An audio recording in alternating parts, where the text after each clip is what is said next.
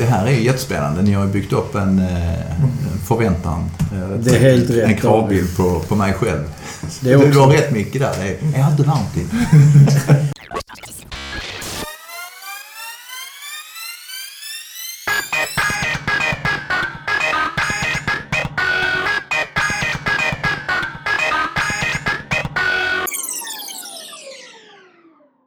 nu sitter vi här med en gäst igen.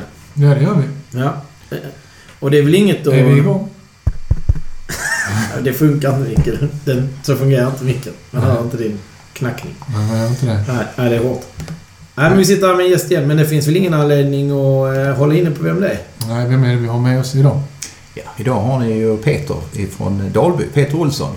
Peter Olsson är från Dalby. Ja, Jajamensan. Hur många Peter Olsson i Dalby finns det? Ja, jag har ju googlat det och det är inte allt för många. Eh, Det är väl jag. Ja, det är. Det är inte fler. Inte vad jag vet, kanske jag säger för mycket. Ja. Men, men så är det. Men då måste man ha någon sån tweak på hur man stavar eh, så att det inte kan vara Det någon är annan. med, med H och Z och alltihop. Ja, ja, men du har H va? Ja. Ja, ja, men då är det nog unikt tror jag. Nu kommer många hitta, söka på hitta.se. Google, ja precis. Ja. Vem är den här? Vem är den här mannen? Skulle, vi skulle kunna önska redan nu någon återkoppling från våra lyssnare. Hur många som verkligen hittade Peter då. Ja, eller eh, hur många som känner Peter. Jag känner Ja, igen precis. Jag känner igen honom. Han Absolut. skyllde mig min... eh, Han Ja. skyllde en eh, skruvdragare sedan 80-talet. Ja. Okej. Ja, Peter. Vem är du? Vem är jag? Eh, som sagt, från Dalby och en, eh, egentligen tänkte jag säga, hängiven cyklist. Men eh, det är nog lite grann dragning åt eh, outdoor-människa, att jag gillar att vara utomhus. Multisportare kommer här nu. Ah, har hållit på med det lite grann på väldigt, eh, väldigt låg nivå. Men det gjorde jag egentligen bara återigen för att då fick man vara utomhus väldigt länge och träna. Du är ju extremt blygsam. Men nu är det så att vi... Jag har faktiskt förberett fem korta, men det kommer att bli fem korta frågor för mig, men med förhoppningsvis väldigt mycket utdragna svar. Okej. Med långa svar. Ja. Ja. Fem Sen- korta frågor, långa svar. ja, och efter det så kommer jag dra en reflektion hur jag känner Peter. Skönt att du gav oss en agenda, Micke. Ja. Kör! Kör, Ja. nu kör vi. Ålder och typ av kille? Ålder typ av kille. Jag är 52 år gammal. Eh, Fan, ibland du ser ut som du är äldre. betydligt yngre. Och jag brukar, brukar säga så här att bäst före är passerat och det är det. Eh, på så vis att jag förväntar mig inte att jag ska prestera, högprestera när det gäller i, i tävlingar och sånt där. Utan då är det ju snarare att jag eh, tävlar eller ställer upp i tävlingar och annat för att... Eh, en upplevelse, kort och gott. Men nu, nu, är du, nu är du lite blygsam Peter, för det är många 28-åringar som gärna hade varit lika vältränade som du är. Och så prestation är en annan fråga på något Mm. sätt. Men eh, hur känner du för det här med att du inte tävlar på samma villkor som innan då? Det är absolut inget problem för mig. Eh, Jag tänkte så här när vi var nere och cyklade, det var nog förra året nere i Polen. Eh, så, så blev det så att, eh, ja, här sitter jag och cyklar och det spelar ingen roll om jag kommer in på 150 plats eller 230. Helt oväsentligt. Men däremot tycker jag det är ganska fantastiskt. Jag slantar in några hundralappar, åker ner och, och cyklar i Polen och de har gjort en fantastisk bana. Och längs med banan står de till och med och serverar mig eh, alltså sportdryck och, och, och eh, allt annat gött. Och det är en fantastisk semesterform semesterform. Du blir alltså du blir uppvaktad som ett proffs, men du är där bara för upplevelsens skull. Ja. Men så, så har vi ju haft i tävlingsavsnitt, eller i avsnitt där vi har pratat om varför man ska tävla Mm. tidigare, så har jag sagt precis där. Du får proffsens förutsättningar, Ja. men du är amatör. Ja. Nu, nu svarar vi åt det här, men eh, det du säger och ditt kroppsspråk, det är två olika, olika saker. För jag har tävlat med Peter och du är ju en evighetsmaskin. Tack. Ja. Ja, sen så ska vi också säga att det här med prestation är ju högst subjektivt. Vad man presterar. Ja, men egentligen om man tittar på det här med tävlingar och annat. Jag eh, har hållit på relativt länge. Alltså första gången som jag körde ner, eller upptäckte att, att cykla ner i Europa. Det var när jag jobbade för Craft och så läste jag i någon tidning att det fanns ett lopp som hette Craft Trans Germany. Och det var första året som de gjorde det här loppet. Och då ringde jag till chefen och sa du, vi är med och sponsrar ett lopp eh, nere i Tyskland. Är det någonting som du skulle kunna fixa så att jag eh, kan åka det? För det har varit jätteintressant. Eh, ja, visst, sa han och så ringde han tillbaks efter, efter några dagar. Och då, Vem var din chef då? Förlåt. Hans Larsson. Ja. Så han, han löste det. Och eh, blev väldigt bra omhändertagen nere i Tyskland. Och då var det ett lopp där man skulle köra i par. Och så var det en kille, jag tror han kom från Berlin, som, som jag skulle köra med. Och jag mejlade till honom lite grann innan och då fick jag svar på, eftersom jag inte är så hundra på tyska, så mejlade jag på engelska. Och då eh, fick jag svar från honom att nej, han fattar inte engelska sådär jättemycket. Så det var det var spännande. Men han fick i alla fall att typ, han hade de senaste 14 dagarna cyklat 100 mil och han, hade, han var en sån übermensch. Riktigt, riktigt spännande. Ja, ja. Så att eh, där, där började egentligen det här med, eh, med att cykla i Europa. Och eh, det loppet var nog så in i bänken fantastiskt. För Blev det att- någon tuppfäktning mellan er två? Nej, det blev det mig Vad var, var gemensamma nämnare? Jobbar han också för Craft? Ja, nej, han var en kund till Craft. Ja. Eh, och det var, det var jäkligt eh, kul för att eh, som sagt, han hade en inställning att eh, nej men nu kör vi. Ja. Nu kör vi. Så att han eh, gassade på väldigt bra. Och eh, första dagen så stod vi kanske, om det var fem startled, så kanske vi stod i startled fyra. Och sen tryckte han på och, och piskade mig så att jag fick, skulle hänga på hans eh, bakhjul. Du skulle bara tugga bakhjul. Jag skulle bara tugga bakhjul. och eh, så efter ett par dagar där, eller typ andra eller tredje dagen, så stod vi framme i, i främsta startbollen.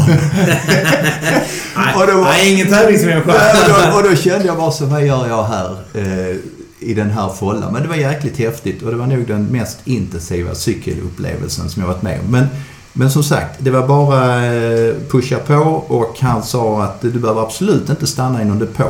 Utan jag får dina flaskor, du fortsätter cykla. Så Och kommer kommer jag ikapp, vet du. Eh, och, eh, ja, det var, så in i bänken häftig upplevelse. Ja. Och sen körde vi ju för Craft and Friends. Och i det teamet så var det då även tjejer som körde som var väldigt duktiga. Och jag tror det var fjärde dagen så eh, känner jag en hand i min cykel, i eh, fickan här bak. Och det är en av de tjejerna som tycker att nej men vad fan han svensken han ser rätt så stark ut. Och det är bara så att jag hade ju fått hjälp av eh, Marion som han hette och, och pressa mig Han hade dratt bänken. dig fram. Ja, och, han, och då tyckte hon att när vi är i samma lag typ så hon ville ha hjälp där. Men då fick hon sig en sån utskällning av han och, och, och menar på att du gör fan i honom. Här sliter jag som fan Precis, fan i honom. Och, eh, här handlar det egentligen bara om att eh, du får ta hand om dig själv. Ja, ja, ja. För, Okej. för hennes del. Men det var, det var jäkligt... Eh, det var en väldigt, väldigt eh, kul resa där nere. Vad gjorde präglade det då? Att nej, jag vill inte tävla mer. Låt mig vara. Nej, nej, nej, nej absolut inte. Nej, jag har ju kört och tävlat. eh, Som sagt, det är ju 2007 så det är 11 år som vi har varit nere och kört eh, med något uppehåll. Varit nere i Europa och cyklat. Och ni hör också nu, våra kära lyssnare här, att eh, det här med att han inte tävlar längre och så vidare. Det finns fortfarande rätt mycket prestation kvar i kroppen. Ja. I jämförelse med andra, säger jag. Ja, men jag, eh, jag vill inte jämföra mig med andra. Jag vill framförallt inte att andra ska jämföra sig med mig. Utan eh, jag tycker att... Eh, vad ska jag säga? Ödmjukheten egentligen. Utan det hand, för min del handlar egentligen bara om att må bra och framförallt att behålla motivationen eh, när det gäller fysisk aktivitet. Det är därför som är liksom cykel, löpning, eh, kajakpaddling. Eh, för att det är gött att röra på sig. Kroppen är ju fantastisk. Jag tycker det summerar ganska så väl vad det är för typ av kille du är. Men du menar alltså att eh, upplevelsen är eh, så mycket viktigare än när du står på startlinjen att prestera? Ja, det är absolut. Upplevelsen är det, det viktiga. Och det är återigen, eh, jag springer och tränar aldrig mot en klocka. Jag springer aldrig milen på, på, mot klockan. För att jag tror inte heller att jag kan bli sådär mycket bättre. Eh, utan det bara handlar om att komma ut och röra på sig och må bra helt enkelt. Det har vi Det- pratat om många gånger. Mm. Ta nästa fråga, Micke. Bakgrund, vad är du? Eh, vad, vad är din bakgrund? bakgrund egentligen är ju, ja, vad ska man säga, Malmö från början och eh, har väl spelat fotboll upp till jag var typ 14 år. Sen så gick min, mina knä sönder. Den här typiska, ah, hade du inte sabbat knäna så hade du Nej, spelat landslag. nej, nej, ja, men, nej, det, nej, definitivt inte. Vi pratar om det. eh, Sportsäljare i sportbutiker säger ju... Har alltid gjort Ja, milen. gjort du- milen under 40 minuter. Mm, mm. Eh, Men... Hade det inte varit för. Nej, definitivt inte. Jag hade kunnat fortsätta spela fotboll, men jag kände att det lockar inte. Men det var en väldigt kul period att, att spela, spela boll. Och sen så, eh, även där, redan som eh, tonåring, så var det mycket uteliv. Eh, gick i skolan i Malmö. Sen efter det blev det typ, eh, vad blev det, två år i militära. Sen efter det så var det bara till Har du att haft någon uh, yrkesväg inom... Uh, yrkesgång inom det militära? Nej, inte mer än att jag har varit reservofficer och sen så poppade jag ut precis lagom till när, när muren föll ju. Så att Ja. då, då eh, la man ner det. Men det har varit väldigt, väldigt intressant. Eh, med allt, med ledarskapsutbildning och komfortzonens vidgande och så. Den, det är rätt viktigt. Var, var var du i försvaret någonstans? Eh, först upp i P6. Då la man ner det. sen, sen flyttade jag till P7. Hade det att Eh, göra med eller- resultatet det levererades? Nej, det är dönickar ja, vi har här. ja, precis. Vi, P6. vi skrotar det. Nej, det var faktiskt P6 och sen så P2 i Hässleholm och sen P7 och däremellan så var det pansartruppernas stridsskola i Skövde. Ja. Så där fick vi ihop hela de två åren egentligen. Ja. Så att, eh, ja. Sen har det varit lite kurser och sånt där men ingen, ingenting, inget, inte ens en fundering på att, eh, att bli yrkesmilitär. Kändes som en rätt tråkig miljö. Vi kommer in på ordet yrke sen, men ytterligare, du, du bor i Dalby. Mm. Var det dina drömmar som mål? Nej. det var- När jag blir stor ska jag bo i Dalby. Nej, det var det Vilken inte. socken ska jag, ska jag söka på? Precis, precis. Nej, det var så här. Det var ganska kul. eh, För vi, Annika hade tittat på var vi skulle bosätta oss. Vi bodde tillsammans i Malmö. Och eh, vi var runt och tittade lite varstans var vi skulle bo. Det var ut mot eh, Bjärred och hej och hå, runt överallt. Och sen var jag iväg ner i Tyskland, faktiskt med militära. Och när jag kom hem så sa Annika att hon hade hyrt ett hus ute i Dalby. Mhm. Så att eh, där löste vi det. Och det gjorde vi. Flyttade ut där för att se om vi skulle få lappsjuka. Vi hade lite connections där med släktingar eh, som bodde ute. Och eh, vi ångrar inte en minut att vi flyttade ut där. Fantastisk liten by med bra träningsmöjligheter. Men det är inte huset ni köpte som ni hyrde? Nej, Nej. utan eh, den möjligheten dök upp. Men sen så eh, fick vi möjlighet att bygga ett hus där ute. Eh, Och just nu känns det som en riktigt, riktigt bra by för att vi har mer gym än vad vår pizzeria är. Det är ju... Det är ju Det, är det. fan- det, det borde man säga. Det är ett nytt Big Mac-index känner jag. Hur många gym kontra hur många pizzerior är det? Och, och då är det bra eller dåligt att bo där. Men utveckla ordet lappsjuka. Jag är lite svag för just de här Ja. Jo, men det, om, du, om, du, om du flyttar från exempelvis Malmö då. Det är ju en, en mellanstor stad kan man tycka. Eller st- stort jämfört med Dalby. Om man flyttar ut, man tycker eh, ut på landet då, inom situationstecken. Och man trivs där eller inte. Så därför så tyckte jag att det var lite lappsjuka. Kommer vi trivas ute i Dalby, halvvägs ut på landet? Eh, eller kommer vi längta tillbaks till lite mer puls? Då var vi ju inte, vad hade vi då, typ 27-28 år gamla någonting. Ja, men jag har Modern utvecklat motsatsen. Jag vet inte om man, har något eh, motsvarande klatschigt namn på det. Alltså jag... jag jag har inte panik, men jag, så här, jag känner att jag blir... Jag trivs inte när det är för trångt och för mycket. Då, usch, jag vill ha lite lugn och ro. Jag sa det om Mm. teater för några veckor sedan och då eh, slog det mig att jag saknar nästan stan lite. Jag kan tycka det. Det hade varit kul att gå och ta en öl nu och sen så gått hem till lägenheten. Men vi är inte, lång, Ja. vi är inte där på långa Nu, vägar. nu, nu vet jag ju att du har ramlat och slagit i huvudet. Men det är precis, det är precis exakt det jag menar. Att jag, det där... Alltså jag hade inte bytt ut. Här vi bor nu, vi bor i liksom hyfsat naturnära. Men det är fortfarande bara 20 Ja, minuters ja. bilfärd till allt man behöver Ja. i stan. Jag ska berätta en rolig sak när... eh, Det var inte jag som träffade Jocke för första gången. Ehm, eh, Utan det var Sara som träffade dig när, du, när ni var här ute.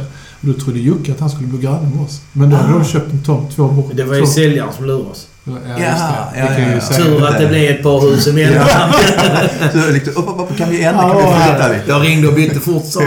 Han var här och var så glad. Bara, Ja. Gud vad bra, vi ska bo bredvid, Ja. vägg i vägg. Gud vad trevligt. Ni ringde direkt. Det är, Ja. Ge dem inget bygge. Nej, nej. För Lägg helvete. Vad det än gör för någonting. Ja. Ja, men Dalby, jag ska komma till Ja, men- Dalby, är samma där med att det är Ja. också naturnära. Ja, det är ju, absolut. Jag har, eh, vad är det nu, 700 meter in till milspåret och jag har kanske eh, 600 till Skrylle mountainbike-slingan. Och sen har jag en mil ut till Genarp där vi eh, kör eh, rätt mycket mountainbike. Och eh, sen är det 12 kilometer till Malmö, 25 till, eller 12 till Lund och eh, 25 till Malmö. Och sen smidigt komma ut på de stora vägarna man ska till Ja. Göteborg och så. Så att det funkar skitbra. Jag är extremt förtjust i den här delen av, av Sverige. Den här sydvästra Skåne, Ja. man får kalla det. Ja. Det är en, en, gr- ett grymt ställe att bo. Ja. Där är jag otroligt avundsjuk på just eh, Dolby som ort att det är så jäkla nära till fin natur. Mm. Och lite ås där uppe också. Så där är höjdmeter också att prata om. Som vi Ja. har gjort många gånger i denna podden. Att Skåne är inte platt utan just där du bor är ju helt din ynnest. Ja, vi stack ut och, och cyklade i, igår eftermiddag, jag och Martin, en sväng. Det blev väl en sex mil, men vi skramlade ihop någonstans 450-500 höjdmeter. Mm, ja. Eh, Så där, där är ju... Utan att göra det löjligt för att jaga Nej, nej, höjdmeter, nej, utan det- ni cyklar bara. Ja, ja. Ja. precis. Det var en vanlig, vanlig sväng Ja. som vi körde. Så din bakgrund nu, det är, du är, vi vi kommer att prata mer om det här med bakgrund, ledarskap och så. Du har ju en, en, några gedigna utbildningar där. Mm. Yrke? Vad, vad är, nu, nu definierar jag inte dig som person, det kan jag lova alla som lyssnar. Men eh, vad, är, vad är din yrkesbakgrund? yrkesbakgrund egentligen. Jag har på med sälj eh, hela tiden. Och eh, började på ICA och sen så fick jag ett jobb som eh, säljare, utesäljare på en firma. Och eh, sen fick jag ett jobb till som utesäljare för Siaglass som var ett fantastiskt och är fortfarande ett fantastiskt företag. Så att jag var deras eh, första man ut eller när man satte upp en säljkår på dagligvaruhandel. När var detta i tid? Det var länge sedan.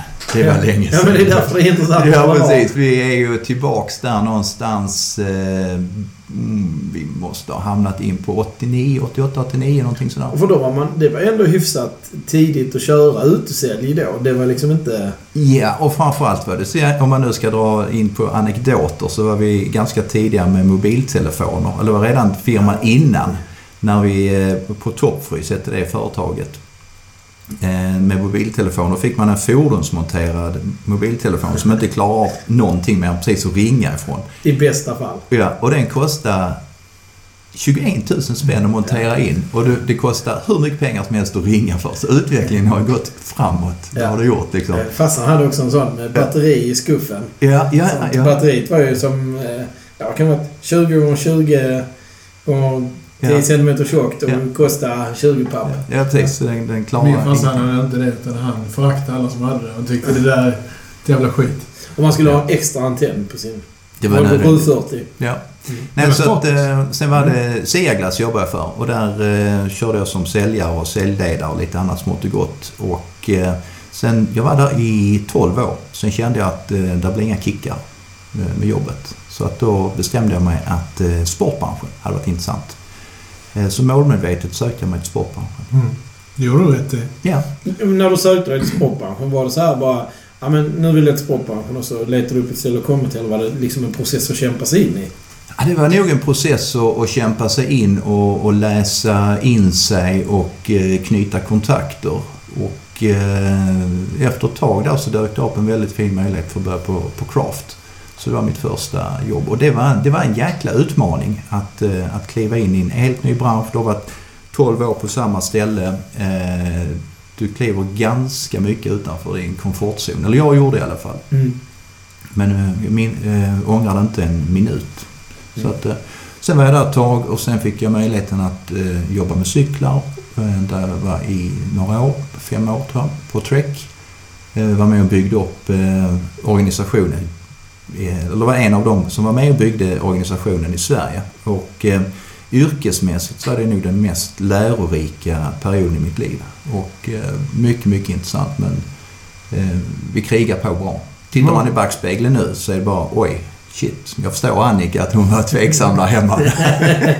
att, eh, eh, ja, hon ställde lite frågor. Ska du verkligen jobba så mycket? Ja, men så funkar det. Men jag var så inne i det. Det var så jäkla kul. Och, ja, det var mycket, mycket spännande.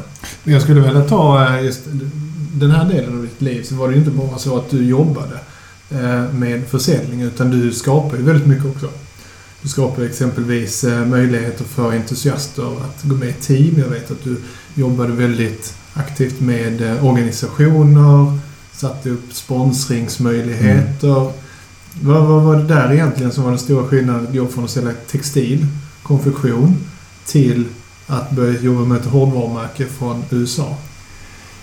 Eh, det som, den stora biten jag hade ju mycket kul på Craft också där vi bland annat hade ett, ett multisportlag eh, eh, här, nere, alltså på lokal basis. Men jag gillar sånt, tycker det är roligt att, att kläcka lite idéer. Och sen när det gäller eh, träckbiten så framförallt så var det extremt korta beslutsvägar vi var ju sponsor till eh, Cykelvasan och jag eh, var nere och cyklade ett lopp i Tyskland och då såg jag ett varumärke som stod och tvättade alla cyklar. Eh, och stod, åkte upp, eller kom hem då så berättade jag för Kai Westman då som var eh, Sverigechefen att du jag såg det här eh, nere, ska vi inte göra något liknande? Jo för tusan.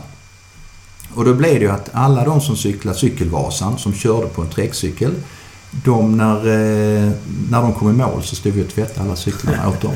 Och det fräcka var ju lite grann där för att eh, kom det två stycken, en cyklar på en träckcykel och en cyklar på någonting annat, så var det ju bara träckcykeln vi tog. Så, Så du kan, ja, du kan ju tänka dig Ja, han ja, som kom på en träckcykel och sa att eh, ja, vänta lite här, jag ska bara få min cykel tvättad. Så kan Det blev du... bra snack. Ja, det blev en riktigt bra snackis. Jag ska, jag ska bara pausa där. Hade det varumärket som, som har det nu valt att göra samma sak tvätta, då hade de inte haft mycket att göra. Nu är det, nu är det konstpaus här. Men, Ah. Okej, den, den får vara så. Åh. Fortsätt. Nej men sen hade vi också, om jag nu ska hålla mig kvar på, på träck, det var absolut inte min idé så, men vi körde med olika fartgrupper. Eh, där vi hade en av eh, våra... På Cykelvasan, ja? Cykelvasan. Ja. Våra sponsrade, sponsrade eh, atleter fick köra, köra framme med en flagga där det stod kanske fyra timmar Ja, precis som man har Ja. ballonglöpare på maraton. Ja, och sen så hade vi längst bak så hade eh, vi vanliga dödliga anställda som körde eh, med en liten uppgift att laga punkter och annat på träckcyklar. Så det var också rätt häftigt när man upp där är en träckcykel, stannar man, kan jag hjälpa dig laga, laga din punka? Så frågar man, vill du ha en och vit eh, kaka och käka så länge eller vill du ha ballerina? Vad vill du ha? Ja men det är ju tävling, ska inte du köpa vidare? Nej men vi är här för din skull. Och det, ja, det sådana grejer var jäkligt roligt. Extremt stort mervärde. Jeps, Ja. det var det. Ja. Och sen- Hur mycket träckcyklar var det då? Ja, det var inte så himla mycket. Eh, Det blev görbart. Ja, ja, men ja, ja, absolut. Sen höll de ju väldigt, väldigt bra. Så, Det så, känns- det, så det var nästan ingenting att göra faktiskt. Det är som en... eh, Det känns som en sån. Petter här. Vad, menar du? Nej, men det känns här som... Eh, eh, ett, jag har ett litet resonemang för att komma fram till det, men... Eh, eh, Bengt Barons eh, sommarprat är ett av de bästa jag har hört. Mm. Ja, det, det är vi helt Och överens det är ju, eh, för den som inte känner till simmaren så eh, kan man säga att det finns mycket med honom, men när man hör en sommarprat så växer han som människa. Ja, Och ja. han säger att varenda företag han har jobbat för har känts som hans eget. Mm, mm. Han har verkligen levt för företaget. Och där är lite grann också, det känns som att du... Eh, eh, Trek-ränderna går inte riktigt ur dig. Nej, det gör det inte eh, faktiskt. Eh, det var ett fantastiskt eh, gäng. Många av dem är kvar fortfarande uppe i Halmstad och, eh, och jobbar. Men nej, riktigt, riktigt eh, spännande. Och sen framförallt som jag sa innan, beslutsvägarna var väldigt korta. Vi hade möjlighet att hitta på kul saker. Ja. Så någon idé jag fick var att vi skulle... Ofta är det så eh, att männen får ganska, eh, ganska mycket. Det kan man ju säga inom fotbollen bland annat. Ja. Och då fick jag väl en liten idé här att det hade varit rätt kul att ha haft ett litet lokalt lag här med tjejer bara. Ja. Så jag pratade med Pelle och eh, sen skapade vi ett, eh, ett gäng som, som körde X-cup och lite andra tävlingar. eh, Som jag tyckte var ja, jäkligt roligt. Pelle är alltså då ingen tjej. Nej, det är det inte. Per-Erik Utan- Nilsson som har varit med. Precis. Det är... Han är, han är ingen tjej, han är en kärring. Puss på dig Pelle. Nej, för tusan. Så att eh, det var, det var kul. Det var jätteroligt. Jag kan tänka mig att eh, den informella ledaren i dig, när du kom med ett embryo till Kaj då exempelvis, eller marknadsavdelningen. Då hade man sånt förtroende för dig och dina idéer så att eh, vi, vi kör på det. Ja, alltså framförallt eh, Kai var ju fantastisk att ha och, eh, att göra med för det var så absolut inga problem. Det var jäkligt roligt. Eh, och sen framförallt den korta beslutsvägen. Jag älskar det när det är korta beslutsvägar. Eh, från ord till handling. Så det var, nej, det var bra. Det var som sagt väldigt, väldigt lärorikt där. Och det som var lite din, eh, din sambo eller frus farhågor då, skulle du verkligen jobba så här mycket? Det var för dig en add-on som gav mervärde till jobbet. Att hade du inte fått göra de här initiativen som att vara med och sponsra multisportlag eller eh, köra Milky som eh, sponsor till eh, ett mountainbike-lopp Mm. uppe i Växjö. Eller, eller komma med idéer som att tvätta alla cyklar efter en Mm. målgång. Då hade det inte varit värt någonting för dig. Nej, det är väl, eh, det är både en för och nackdel att man eh, har, eller jag har lätt att engagera mig, mig hårt i, eh, i jobbet och det är ingen nackdel i det. Sen kan det ju spilla över även på alltså fritidsintresse. Eh, där, och det är ju samma nu med, med Martin som jag eh, tränar mycket med. att eh, där, är, där vilar inga ledsamheter heller. Utan det är, där, där, där, Det är också liksom- korta beslutsvägar. det är korta beslutsvägar och det är, det, är, ja, det är så jäkla kul det också. Så att det gäller att ha den balansen mellan eh, jobbet och eh, privata och familjen alltihop. Vi kommer till det här med Vi Martin. kommer till Martin. Ja. Han ska få ett särskilt avsnitt. Ja, det är en drömgäst. Det är... Och vi får fortsätta drömma, men vi kommer Ja. till det. Ja. Ja. Har du en ny fråga? Ja, jag skulle väl inte säga att jag är färdig med den här frågan. För yrkesrollen då eh, som säljare, marknadsförare, Mm. influencer. Oj, oj, oj. Oj, oj, oj, oj, oj, oj. Den har ju studsat vidare då från det amerikanska varumärket Trek. För där är du inte nu va? Nej, Nej. det är inte. Vad, gör Peter Olsson idag då? Idag jobbar han för eh, Haglöfs, ett eh, svenskt eh, outdoormärke. Och där kan man väl säga att jag har väl eh, hittat hem eh, på sätt och vis. Eftersom jag har brunnit för eh, outdoor ända sedan eh, Mulleskolan på 70-talet egentligen. Kollikock i ja, men. Ja, men det har ju varit eh, hela den resan med Mulle och strövare och friluftsare och TVM-are och sen så. Vi är mer scouter i detta hemmet men... Ja, ja, jag kände det på Det är krucifixet när du går in. Ger bort det lite grann. Ja men lyktan den, den, den bidrar till sammanvävning och gemenskap. Den ska gå från hand till hand, från famn till famn.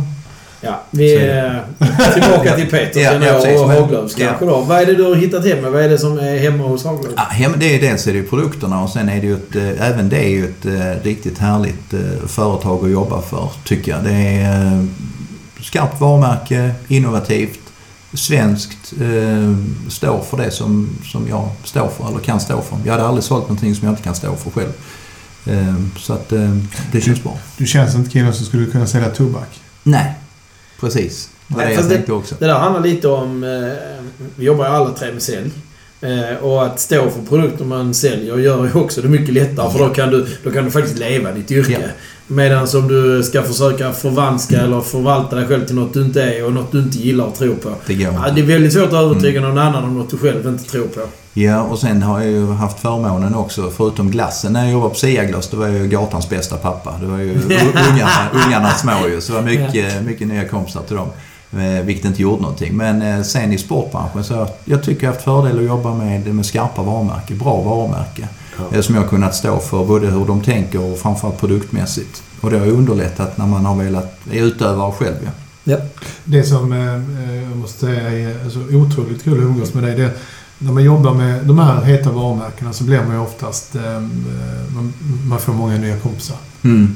Eh, det känns eh, verkligen så i alla fall. Och den distansen har du kunnat hålla, förhålla dig till. Alltså från att vara en, en kille på ett företag som alla vill vara vän med så är liksom inte där du är utan du är med. Du är en kille alla vill vara med, vän med. Oavsett varumärke. Tack. Så jag kan ju tänka mig att det slutar ju inte ringa bara för att du slutar jobba med cyklar. Tvärtom. Nej, Det nej. rings ju säkert fortfarande Mm. till dig. Jo men så är det ju. Det. Cykel var ju lite, lite speciellt men det var ju också de här eh, eh, kalla sponsoråtaganden eller det vi kunde hitta på med cyklarna, cykelteam och annat ju. Naturligtvis ju. Men eh, Eh, de stora bitarna där, det hade ju definitivt inte jag hand. Men det var ganska roligt när vi startade upp eh, Trek. För då kom det mycket sponsringsförfrågningar från eh, alla möjliga in till, till Kaj och han visade ju någon eh, jag tycker det var jättefantastiskt med, med framförallt föräldrar hur man lägger ner energi på att eh, ordna en, en eh, cykel till sin dotter eller sin son. Med, man skickar impulskurvor och de är, de är 12-13 år gamla. Då tycker jag att då har det gått, gått lite långt. Eh, Det kommer vi ägna ett avsnitt åt det här med sponsorskap. Det är mitt favorit. Jag, jag längtar att vi ska prata om det. Men faktiskt, vi kan, vi, kan, vi kan hijacka det lite för du har ju, du har ju drivit sponsorskap eller ambassadörskap kanske man ska kalla det om man ska Mm. vara petig då. Eh, och valt att göra vissa saker. Vad, liksom I sponsorskap, vad är det du tror är faktorer som är, ger framgång i att hitta samarbeten? Vad ska man hitta för samarbete och vad ska de innebära? Egentligen, och så kan man då titta på lokalt nu, eh, som vi gjorde med, med tjejgänget där med, med cyklar, så handlar det ju och framförallt det här med att, att man är socialt kompetent. Det är ju det eh, som efter tävlingen, att eh, du står kvar kanske och du är socialt välkomnande när folk kommer fram och vill prata med dig. Att du inte bara är så superfokuserad på dig själv utan att du, du bjuder på dig och bjuder på din kunskap. Eh, Det tycker jag är eh, mer viktigt än resultatet. För det finns ju de som är jätteduktiga men som har ingen social kompetens som folk inte... Oj, vad han eller hon där på tävlingen. För man såg bara att de gick i mål och sen försvann de. Utan det är det här att bygga, bygga förtroende. Och sen gärna att man gör det långsiktigt. Det, det är en, en väldigt, väldigt viktig bit. Det underlättar ju för alla ju. Mm. Om man har den möjligheten att eh, jobba på lång sikt. Jag vet, du hittade ett samarbete med en eh, kille som heter Benny. Du kan ju själv presentera dem. Han och hans fru är ju, eh, kan man säga, nummer ett A i hur man anammar ett varumärke och man bygger ett varumärke. Men det är ju du som har hittat dem. Nej, nej, nej, nej. Benny har varit med, eh, alltså kört Trek eh, i jättemånga år. Innan Trek Sverige fanns. Eh, Så att han körde för, om jag är rätt på det, för när Duells hade, hade Trek. Och sen följde han med in i, i Trek-biten och Kai såg potentialen i Benny. Och Benny gör ju ett fantastiskt jobb. Mm. Grym Just, just som ett ambassadörskap. Och eh, jag tänkte på, på det här också att synas och, och bry sig om folk. Och, och, eh, men när man, jag följer Benny på eh, Facebook och just det här med att man ser upcomers, ungdomar som man, ger, som Mm. man uppmuntrar. Ja. Det, är, det är stort, det är riktigt, riktigt, bra. Så att han är ju ett föredöme när det gäller Men, sponsorskap. men Benny har ju faktiskt en, en kombination av prestation I- och oh ja, leverera oh ja. resultat Oh ja. och det här. Men det jag tycker är intressant är att säga att men resultatet kan faktiskt vara sekundärt. Vi behöver inte ha en världsstjärna. Nej. Vi behöver någon som är världsstjärna på att leva våra Ja, värden ja. och leverera dem till andra. Ja, det är och det om. när du började på, det är några år sedan du började, sen Trek-tiden. Mm. Och eh, då var det kanske inte så. Men idag är ju, fan det finns ju barn som går i skolan som säger att jag ska bli influencer när jag blir stor. Ja, ja, ja. Och idag tycker jag att det har gått eh, sjukt mycket inflation i det. Där vissa branscher och influencers, det är ju rena... Alltså i mina ögon är det trams. Men sen finns det ganska många i sportbranschen som är duktiga influencers också. Ja, ja. Eh, och där, där tycker jag att det viktiga är att motivera folk och inspirera och motivera till att träna, till att eh, ja, röra på sig. För det är egentligen det som allting eh, går ut på. Vi sitter ju på en fantastisk eh, utmaning med, eh, med svensken eller ja, västeuropén egentligen. Hur, hur lite vi rör på oss och hur Ja. eh, dåligt vi mår, eller kropparna mår egentligen. För att vi tillbringar ju egentligen använder alldeles för lite fysisk aktivitet. Vi eh, omger oss alltid med 21 graders eh, värme när vi är inomhus. Vi går alltid i stort sett för, eh, på platta golv. Vi utmanar inte kroppen. Eller kroppen får inte användas till det som den egentligen är skapt för. Nej, och vad är den skapt för? Den är skapt för att Ja, rörelse, för att sammanfatta det kort. Vi är ett, eh, och bära och vi dra nom- vi är ett saker. nomaddjur. Ja. Dra saker. Alltså det är vi ju. Vi är ju inte... Alltså den mest prestigefulla eh, OS-guldmedaljen som finns, Mm. det är 100 meter för Mm. män. Mm. Det är, och egentligen är det ganska långt från vår revolutionära historia. För 100 meter är väldigt onaturligt för att springa. Det är kanske en passning till alla pappor som ska spela innebandymatcher och dra baksidan. Men vi är ju gjorda för långt arbete. Alltså långt, långt, långt långsamt. Flytta Ja. på Ja. oss över, över var resurserna då fanns. eh, Vi är den enda arten och det är därför vi har överlevt. Nu, nu är vi ute på en väldigt, väldigt lång... Ute på kanten av den här stjärnan. Jag trodde du skulle vara ute på tunn is till och med och komma Ja, med lite lögner. Nej, men det ska, jag- det ska försöka inte göra. Men eh, vi är ju okej, ett av få djur som syresätter oss under aktivitet. Som hela tiden kan transportera bort vår, eh, vår eh, mjölksyra. Så vi, vi kan ju exempelvis springa ut en hjort eller ett lejon. Varpå de har inte syresatt sig tillräckligt mycket. Därför behöver de sätta sig ner eller lägga sig ner och vila. Vi kan ju faktiskt hålla igång vår, Just nu vår maskin. Jag, jag kan inte släppa tanken att just nu är det jättetur att vi sysslar med en podcast och inte en vlogg. För hade vi haft en vlogg så hade vi varit tvungna att göra en film där du springer från ett lejon. Och det vet vi alla hur det hade slutat. Så det har funnits tre faderslösa barn i det här hushållet ju. Nej, men det finns, eh, det finns till och med böcker att läsa om detta. Micke det Mattsson är ju en professor vid Idrottshögskolan och GH har han också jobbat på. Han skulle man kunna läsa och då hade man förstått detta, hur människans kropp fungerar. Vi kan ju vara helt överens om att vi andas samtidigt som vi rör oss. Ja, Mm. det vet, Vi det håller vet inte. Nej, men återigen så är det ju eh, som sagt eh, inspirera folk till att eh, ut och, och röra på sig. Vad tycker du att det, när du började med det så var ju inte sociala medier vad det är idag. Nej, då fick man faxa kompisarna. Ja, ja. Men jag bara tänker så här. Idag är ju influencers synonymt med sociala Mm. medier. Mm. Och det är sociala mediers eh, eh, enorma genomslag Mm. för att det har som Mm. gör att influencer är ett så hett ämne. Men, och jag kan känna lite grann, det här är högst subjektiv uppfattning, Mm. men att det har sänkt kvaliteten. För förr var man tvungen att ha, om vi pratar om Benny till exempel. Ja. Han var ju faktiskt ambassadör innan Mm. sociala medier fanns. Mm. Du var tvungen att hålla en viss kvalitet. Ja. Och du var tvungen att vara fysiskt på plats Mm. där det var rätt Mm. att göra det. Idag är det enklare att vara influencer. Ja. Men det har också... Jag inget ont om det finns många influencers som är jävligt duktiga, återigen. Men jag känner att det har gått lite för lätt. Och, och vad gjorde du då? Hur hittade du dina influencers när det inte fanns?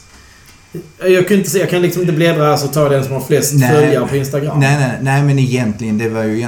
Ska man göra det enkelt så var det ju ett socialt nätverk om vi... Folk som man stöter på i olika sammanhang som håller på och de hörde av sig till, till mig. Mm. Så att det var ju inte...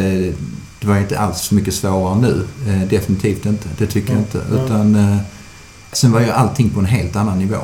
Ja. Men du menar att den var mer amatörmässig, eller? I, kanske inte. Nu handlar det mycket mer om eh, influencerstöd. Det är ju antalet följare som du har på sociala medier än vad du... Vilket kan vara köpt ändå, så det är bara fuskat Ja, ihop. ja, det är möjligt. Det är, det är inte min arena så direkt men jag tycker att det är, det är väldigt intressant. Hela den här diskussionen med eh, influencers, Facebook, Instagram. Där du till mångt och mycket lever ditt liv eh, via din mobiltelefon eller din skärm Ja, istället för att vara ute IRL och ha liksom en egen upplevelse. Och eh, det, jag uppfattar som att det stressar ganska många människor också. Men är pendeln på väg att slå tillbaka då? Jag är, det jag är ganska ser? övertygad. Att faktiskt. liksom snart blir följare på Instagram? Nej, inte så viktigt. Något, något annat, social kompetens kallar du det. Men Ja. det är ju förmåga att slå igenom. Vi pratar om storytelling är ett, ett av de populära. Men att vara en god berättare, Mm. vilket Mm. jag vill ersätta storytelling Ja. med. Och nå fram med sina berättelser i ett adekvat sammanhang. Ja, ja. Eh, absolut. Jag är, nej, jag är också övertygad om att det kommer sån här liten rekyl på det. En grej kan vara nu också att man, man börjar i telefonen få upp hur mycket skärmtid du har. Ja. Eh, Det är ett, eh, först en, en klocka liksom, att folk börjar bry sig. Eller rättare Ja, jag har sagt... sänkt min skärmtid sen jag bytte telefon eller Ja. operativsystemet Ja. uppdaterat. Så får jag en veckorapport på Mm. min skärmtid. Mm. Och första gången jag fick den så bara... Ah, Det kan inte stämma. Fan! Det är helt omöjligt. Jag har ju knappt... Så lång tid har jag inte varit vaken. Nej. Jag måste soffat när jag sov. Så, eh, och den har jag... Sen, sen är den, den är fortfarande nedåtgående. Det fanns lite att jobba på. Ja. Så där finns fortfarande att sänka. du ser, men eh, du ser. eh, jag tror inte det är fel. Nej, Trött eller det, men det är tre av fem frågor. helt så. Och vi har nog inte hållit på mer än i typ 30 minuter. Vad inspirerar dig att förgylla din eh, passion? Vad är det som inspirerar dig här ute nu? Med... Eh, vad ska jag säga? Egentligen, det som inspirerar mig det är om vi nu tar eh, träningen eller att vara ute så eh, känner jag att jag har en eh, fantastisk eh, träningskollega i Martin. För vi har, eh, det är så jävla okomplicerat och det är, eh, vi har kul. Hur ofta tränar ni ihop? Det nu, nu är han inne i en liten jobbubbla här men vi försöker två dagar i veckan i alla fall. Ja. En, två dagar i veckan. Så att, och det, det kan ju bara vara en sån grej. Du ska du med ut och så är det, det är inte så jag väntar och ser utan pang nu kör vi. Vi bestämmer. Ja. Och det är likadant med de här eh, våra turer där vi sätter ett datum. Sen håller vi det och sen Ja. kan vi ju gå ut och berätta för folk som vi gärna vill ska följa med. Eh, att eh, den och den datumen så, så ska vi göra det och det och då Många är ju på direkt. Ja, för fan, jättekul. Gud, vad roligt så. Så Mm. blir det ändå att det är vi två som åker för att det kommer alltid någonting med. Det var någon som skulle med ner till Polen i fjol, tror jag. Eller i år. Det var du Jocke va? Ja, det där ska vi komma till särskilt Ja, Precis, också. precis. Och nu börjar skaka nästan här. Okej, så Martin inspirerar dig, men Micke gör det inte? Eller? Eh, nej, jag har inte haft möjlighet att träna så mycket med dig som jag hade önskat faktiskt. Nej. Det, det, Men vi tränade lite i somras faktiskt. Det gjorde vi. Det gjorde Du vi. inspirerar mig där att cykla landsväg. Det är faktiskt så också, det måste jag säga. Mina, Eller förlåt, grusväg. Mm. grusväg. Mm. Jag har inte heller haft två pass i veckan med Peter. Eh, Inte alls många, men alla. Jag minns alla cykelrundor vi har haft med dig. Mm. Som eh, är riktigt bra. Mm. Ja, men Och någon av dem har Martin varit med på också. Han är minst lika... Ni är lite... det är lite roligare när han är med. ja, precis, precis. Ja, ja. Ni är lite... Vad jag skulle säga är, ni är lite piff och puff så. Ja, alltså men- piff är rätt bra Mm. och puff är rätt bra. Men piff och puff är lite... Det ett plus ett blir tre Mm. här. Jo, men vi har lite olika, olika roller så faktiskt i, i vårt team så att säga. Ja. Eh, Vi ska väl gå in på Team RMI sen längre Ja, fram för det är nog ett, eh, en saga för sig. Ja, det är en viktig punkt också. Men eh, där är också en liten orättvisa i min bild av er två. Okej. Ja, det är att eh, jag håller Martin som... som fy, han är liksom så här äckligt gubbstark. Mm. Vet, Alltså, om du träffar Martin, eh, går förbi honom. Nu är han inte här och kan försvara sig, så det här är enkelt för mig att säga nu. Så han går förbi dig som vem som helst. Men när han väl sitter på en cykel och du sitter bakom och du ska hålla hans bakhjul. Mm. Så är han jävlar inte vem Nej. som helst. Och jag tror att du är precis lika stark Peter. Men Peter har en fantastisk förmåga att bry sig rätt så mycket om de som är i gänget. Och det skapar en, eh, en värme på de här cykelrundorna. Så du, du släpper din styrka lite grann för att lyfta någon som har det lite jobbigt eller kanske har åkt ut i Genarp med 4,5 kilos tryck i däcken. Mm. Mm. Men ja, Det är sant att det har hänt, men det skulle kunna vara Det skulle- så. Jo, men det- det är det jag jag säger. kommer ihåg när det hände. faktiskt. ja.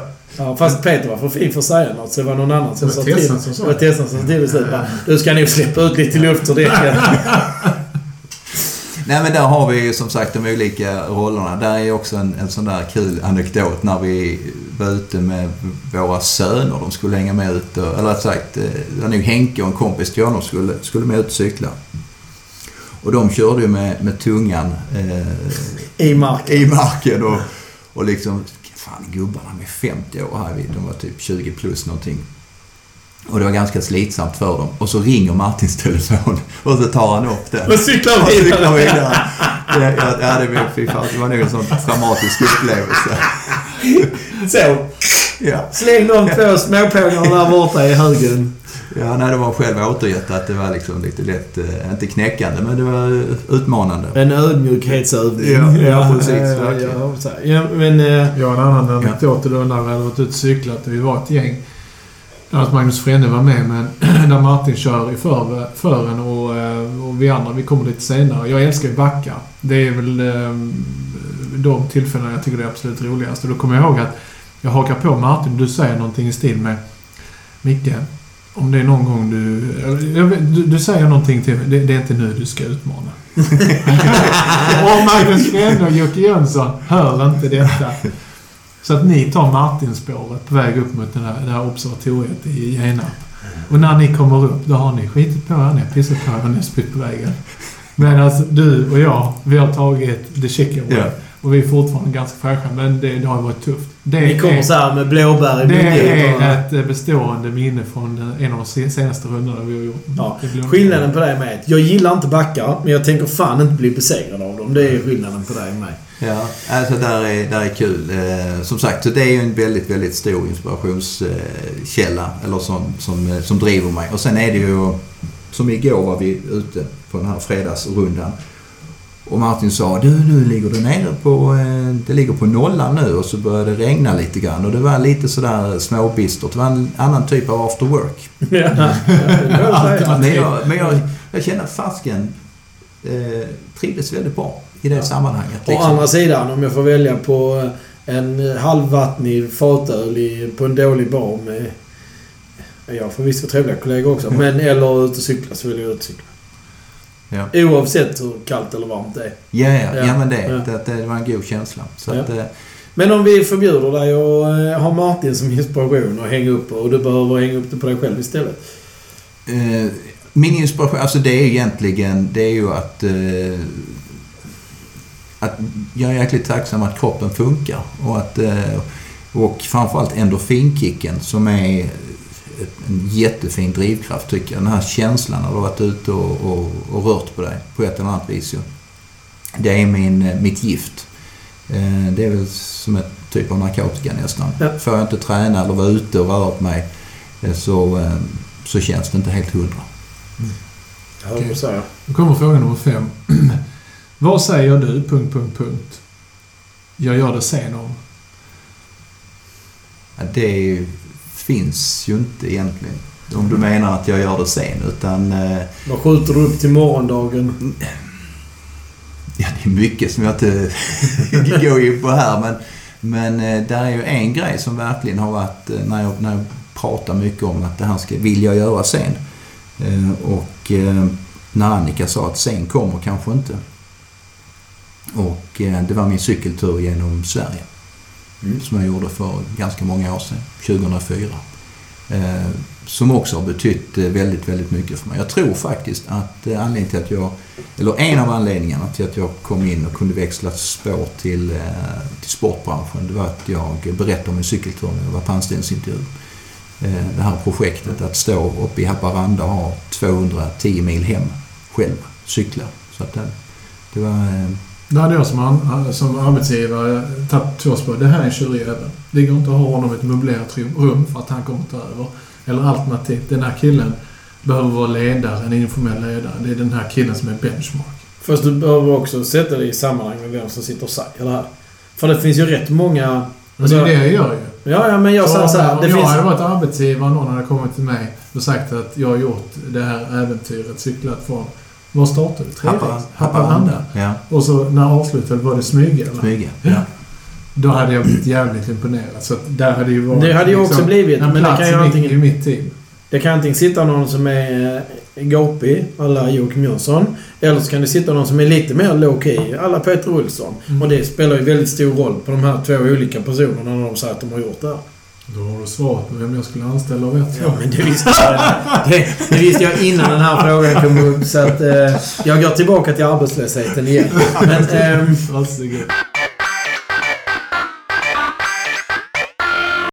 men eh, jag måste tillbaka till det här med att växla... Eh, steget från att växla från eh, livsmedelsbranschen till Mm, sportbranschen. mm.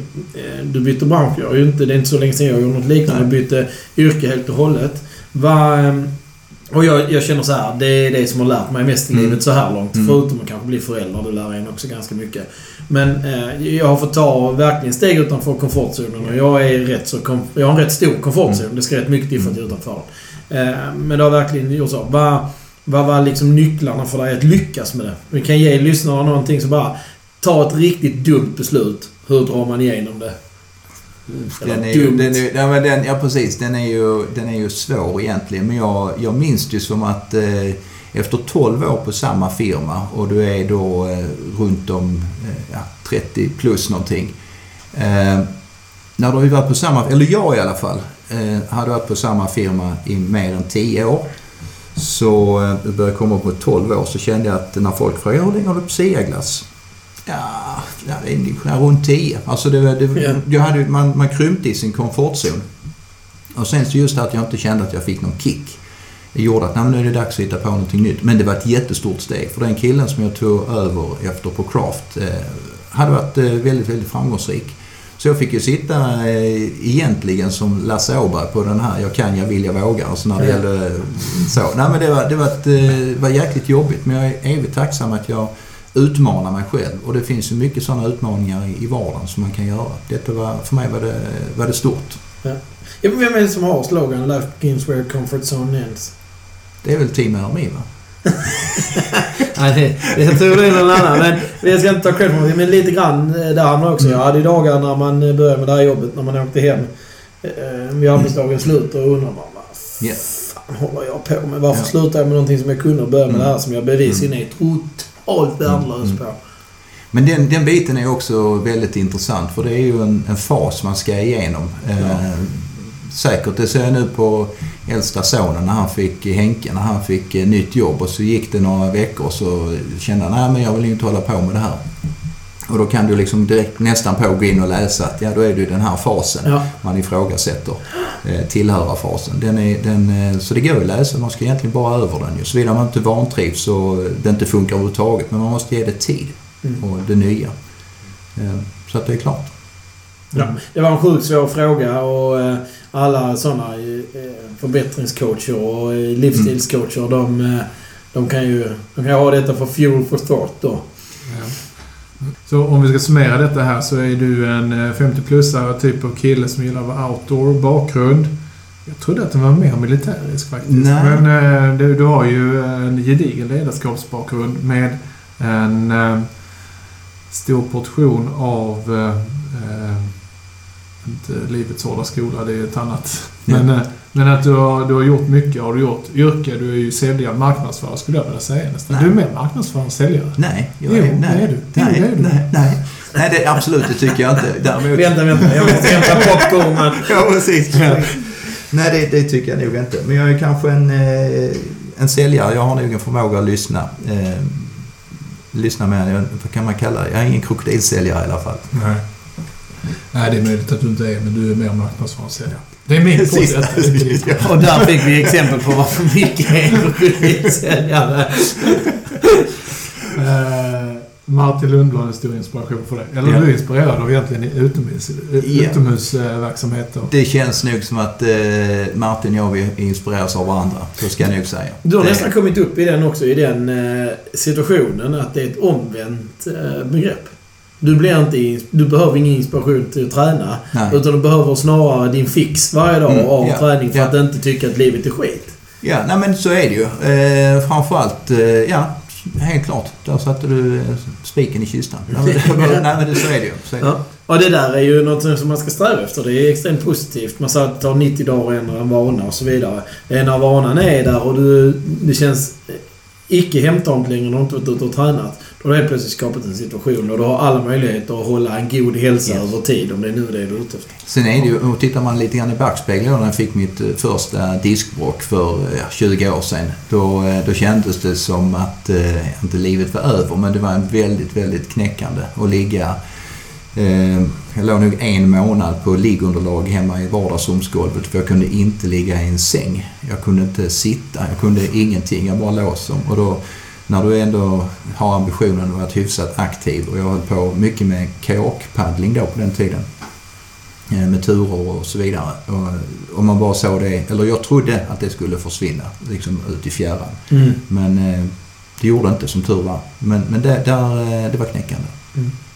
Men du, det, det löste sig med det diskbråcket. Så kom du tillbaka till livet igen. Ja. Och sen... Ett till ja. Ja. ja så var det. Och sen så nu höften här. Så att det är med tioårsintervaller som vi Ja, kör. ja, ja, ja. Men då, då är du nästan pensionär nästa gång Ja, det ja, så blir det. Ja, ja. Så blir det. Ja. Idag så eh, gör du, gör du det du säger att du ska göra. Du skjuter inte upp saker och ting. Nej, eh, försöker att inte göra det i alla fall. Låter präktigt men visst är det sådana prylar. Fråga Annika. Ja, skulle vilja säga det. Det är tur att uh, fruarna inte är med här. Ja. Ja. Det hade varit ett redface-test av Guds nåde. Ja, det hade det varit. Mm. Ja. Men eh, du, eh, Micke hade sina fem frågor. Men vi har en Mm. sjätte fråga som vi känner att vi måste ta. Och det är ju Team RMI. Mm. Vad är Team RMI? Team RMI, eh, nu ska vi börja riktigt långt tillbaks i tiden. Så vi kan egentligen börja för eh, 25 år sedan. Eh, jag höll på att cykla ute i Genarp eh, redan på den tiden. Men då var det som så att då körde jag bara på Skåneleden. För man eh, där, ja, kände inte till några andra Du stigar. hittar inte hem annars. Nej, det var ju det. Det var ju det innan man hade fina GPS-klockor och annat. Ja. Så när jag kommer med, genom Genarp med cykeln på taket så står där en kille och pratar med några andra. Och så säger han där kommer en bil med mountainbike. Så han cyklar efter mig och då, då är det ju eh, Martin som kommer ner och... eh, Då bodde han i Genarp, Han, bodde, han bor i Genarp, ja. Han bor i Genarp, ja. Så då, då eh, cyklar han ner och så frågar jag, ska vi cykla ihop? Absolut, det, det gjorde vi. Så vi höll på några år och cykla ihop. Sen kom, vi, kom man in i det här skedet med familjen och det skulle byggas hus och det var barn, småbarn och så vidare. Så vi kom ifrån varandra under ett par års tid och, och tränade inte, cyklade inte. Ja, när vi gled ifrån varandra. Sen var vi på en sån här berömd cykelfest i Genarp där man cyklar runt till, ja. till folk och äter och har det väldigt trevligt. Så var det på ett ställe där eh, där vi satt och så kom Martin och Diana in och sa ah, fasiken det är Martin ju. Och så satt vi och snackade och tyckte allting var helt fantastiskt. Och eh, så frågade jag, ja vad gör du imorgon? Ja, ingenting. Nej, men ska vi cykla? Ja, men det gör vi. Så efter det så har det... Sen har det hållit i sig. Sen har det hållit i sig. Ja. Och det är säkerligen eh, ja, 10, snart 15, ja, det är nog 15 år sedan. Cykling på cykelfest alltså. Precis, Ja. precis. Så att det, var, det var jäkligt eh, bra. Eh, så 25 år hållit på och sen så själva det här med Team RMI. Eh, vi skulle upp och cykla i Alta i Nordnorge. Ett lite längre lopp eh, ovanför polcirkeln där. Eh, 30 mil ut på fjället och då ska man också köra i lag precis som den här Trans-Germany. Kör man det klockan startar from the gun Ja, och sen går du i mål? Ja, Ja. så det, det är ute på, på fjället och härjar där. Och då eh, skulle vi ha ett, eh, ett lagnamn och vi tyckte att ja, men det, har, det här har vi aldrig gjort innan. Vi har ju cyklat Vättern några gånger och det är ju 30 mil men aldrig, aldrig eh, en sån grej uppe på fjället. Eh, Och det kunde nog vara lika mycket mentalt berikande som fysiskt. Som fysiskt, ja, ja, ja. Så, så då, då blev det att ja, men Team RMI, rätt mental inställning står Team RMI för om det är någon som, som undrar. Och eh, vi ska till rätt bra. Vi har, eh, har väldigt, väldigt kul med, med eh, under Team RMI-flaggen. Ja. Att, eh, Ja, sen har vi kört tävlingar som sagt. Vi har nog varit nere en 6-7 vändor i, i Tyskland och Polen nu sista tre åren tillsammans. Ja. Och sen så då Norge, Norgesvängen. Och Hur gick det i Alta? Det gick eh, bra fram till eh, vi hade kört 22 mil. Sen fick vi problem med ett knä så att eh, vi fick eh, bryta. Ni fick problem med Vil- Vilket av de fyra knäna var Ja, det problemet? spelar ingen roll. Nej, okej. Det var inte, det var inte Martins två alltså? så att, eh, så det, är- det går, vi startar som ett lag och skulle ta oss i, i mål mål som ett lag, också. ja, ja. Så det, det är helt eh, Det, var ointressant. bara, det fanns bara lagtävling där? Det var Ja, ja nej, men det fanns möjlighet att, eh, att man kunde fortsätta och kliva på ett annat lag. Men jag tror någonstans att eh, det hade inte varit bra om en av oss hade fortsatt Nej, jag tror för laget. Nej, tror inte jag. Så det var laget före jaget, Mm. helt klart. Va, men ni, har ju, ni gör ju mycket. Ja, Alltså, många tävlingar och många initiativ och många strapatser och äventyr. ja eh, det har det varit ju. Vi har ju kört, eh, som sagt tävlingarna är en sak. Men sen är det ju när, vi, när det kläcks en idé så är det ju inte långt mellan eh, Korta beslutsvägar Ja, det är korta beslutsvägar där också. Så vi har kört nu några år någonting som vi kallar Novemberkåsan. Och det kan exempelvis vara att- vi har tagit tåget något år upp till Varberg och sen har vi cyklat Hallandsleden neråt och övernattat gärna på något litet pensionat så man kan få sig en, en räkmacka och en kall öl när dagen är slut. Och sen cyklar vi vidare dag två. Eh, Så då har vi gjort rätt många sådana turer. Det har varit tvärs över Skåne på Skåneleden från Båstad via Osby. Det är ett eh, Ja, Stadshotellet. Till... och sen bort till Sölvesborg. Ja, Så ja. det är tvärs över. Och då har vi kört mestadels på eh, Skåneleden och eh, då gör vi detta här som namnet säger gärna i, på hösten, novemberkåsan eller eh, oktober också har vi kört det. Så det brukar alltid avslutas med någon timme mörkerkörning med pannlampa. Du, vad innebär eh, RMI för er? Egentligen RMI för oss innebär att eh, tänka positivt, inte se problemen utan se, eh, se möjligheterna egentligen. Alltså en, en positiv eh, livsåskådning kan man väl kalla det egentligen. Eh, och inte... Ja, det är nog det egentligen. Tänk positivt. Ni har en sån här vepa också med Team RMI och så en smileygubbe Ja. och så står det tänk positivt. Ja, det är, det är egentligen eh, honnörsordet. Så, det är det. Och det, det, är, det, det är jäkligt viktigt tycker vi. Att ha den positiva inställningen. Eh, Och framförallt att titta gärna titta framåt och inte så stor backspegel. Det är lätt att man får en större backspegel när man börjar komma upp i åren. Eh, Vindrutan blir mindre. Man tittar gärna bakåt vad man har gjort tidigare. Men nu är vi mitt uppe i och, och verkligen fylla kalendern för 2019 med eh, alla möjliga grejer. Så det, det är kul. Vad, vad bjuder 2019 på? 2019 blir ju ett år. Vi kommer ju köra lite mer gravel. Så just nu skissas det på en tur från Kalmar eh, ner till Karlshamn. Så det blir lite så utvandrare eh, avsnitt där. Och sen så kommer vi ta oss från eh, Karlshamn ner till eh, Hör tror jag vi siktar på. Och då kör vi upp om sjöarna vid Immen och Raslången. Så det blir lite mer snapphane där uppe. Mm, mm. Kul. Så det är, det är en, en eh, sväng som vi har tänkt oss. Och eh, sen har jag bestämt att med tanke på ryggen då att eh, 2019 så kommer jag inte köra något eh, mountainbike-lopp utan Martin åker ner och kör. Han är anmäld till Andalusien Bike Race nere i Spanien. Det går på våren va? Ja, det går på våren någon gång i april. Ja. Och eh, sen är det väl bara till att trycka på knappen och få åka ner till, för Martins del, ner till eh, Polen också. Sydente, MTB. Eh, Polen har blivit eh, för oss väldigt, väldigt bra eh, ställe att köra mountainbike på. Lätt att ta sig ner, färjan över och sen har du en dag ner till, till tävlingsområdet. Och för egen del så har jag tänkt, jag har gått och nött på den tanken länge med att jag ville paddla kajak lite längre. Så att eh, till sommaren blir det en sväng eh, från Karlshamn upp, till, upp mot Stockholm har jag tänkt. Ska vara ute i 14 dagar eh, och köra. Jag och en kompis som jag har paddlat med under många års tid. Så att, det är också en sån här härlig människa, Kenneth, som är med på det mesta liksom. Det är Mm. bara, ja men det kör vi på. Så det är skithäftigt. Så, Härligt att du kom med en dålig idé. Ja, gärna. Ja men lite grann sådär. Lite grann så. Eh, så den, den, är, den är bra. Så det står på... Sen dyker det upp en massa andra kul grejer. Nu i december så har vi eh, bland annat en annandagslöpning ute i, eh, ute i Genarp på någonting som vi kallar Beskidi Trail. Och det är en liten mountainbike-slinga som egentligen inte är någon mountainbike-slinga för att man får bara cykla på de vita slingorna. Man kan springa där. Eh, som är ganska mycket höjdmeter, eh, lite halvteknisk, 1,7 kilometer lång. Springa massa varv där och eh, så puttar vi in pengar till... eh, Då betalar man för varje varv man springer, visst var det så? Ja, eh, jag, jag har tänkt att jag ska slanta in som jag gjorde i fjol, en 2000 kronor. Och eh, för varje varv som folk springer där ute så, så betalar jag 30 kronor. Så det är pengar till 66 varv om man känner för det. Jag firar jul här nere i år och inte någon annanstans. Så min, jag har eh, annandags... Eh, Du, ja. Den är inskriven i min kalender för jag Härligt. missade den i Det senaste. skulle jag också kunna tänka mig vara med. Är det bara är det Barncancerfonden eller är det... Ja, det är Cancerfonden. Vi har ju en insamling eh, som vi startade i fjol som heter Team RME and Friends som ligger på Cancerfonden där man kan eh, slanta in lite Där kan man pengar. pytsa in pengar Ja. om man vill dö över sitt dåliga samvete. Ja precis. Ja men det är lite grann så. Känner du att det här är absolut ingenting för mig ut och springa i skogen på annan dag så kan man ju köra eh, soffrådel hemma och ligga i soffan så bara sätta in pengar i alla fall. Men här och nu med eh, vittne närvarande då på stund, för det var ju inte till inspelningen, så säger jag att jag ska springa med, med er. Ja. Jag hoppas det blir mer än du och jag. Ja. och eh, om du pytsar mina varv ska jag pytsa mina varv också. Ja. Ja. Det ska jag också göra. Annan dag.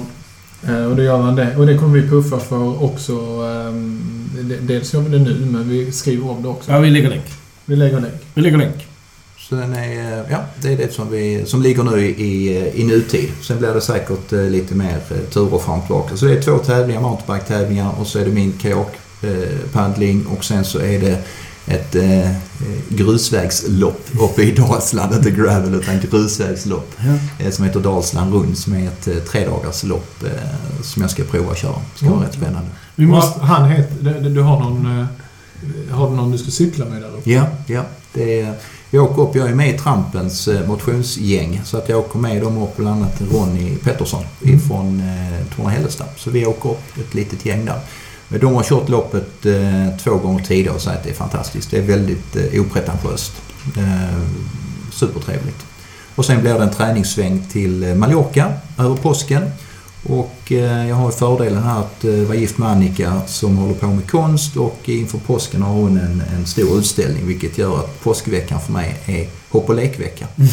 Du har inga... Du ska helt hålla dig borta då alltså? Det är helt rätt. Och det är likadant inför den här Jag ska kajakturen. nog fan eh, ta väck det här med hästar hemma och styra över det till, kost, till konsten tror jag. Ja, nej, men det, är, det är likadant med eh, den här paddlingsturen eh, i sommar. Den ligger också precis innan en av hennes större utställningar. Så då, det, det är så man får skapa de här luckorna. Ungefär som att sticka ut och träna tidigt, vara hemma Ja. klockan 11 till 11 kaffet. Ja, ja. Så är det.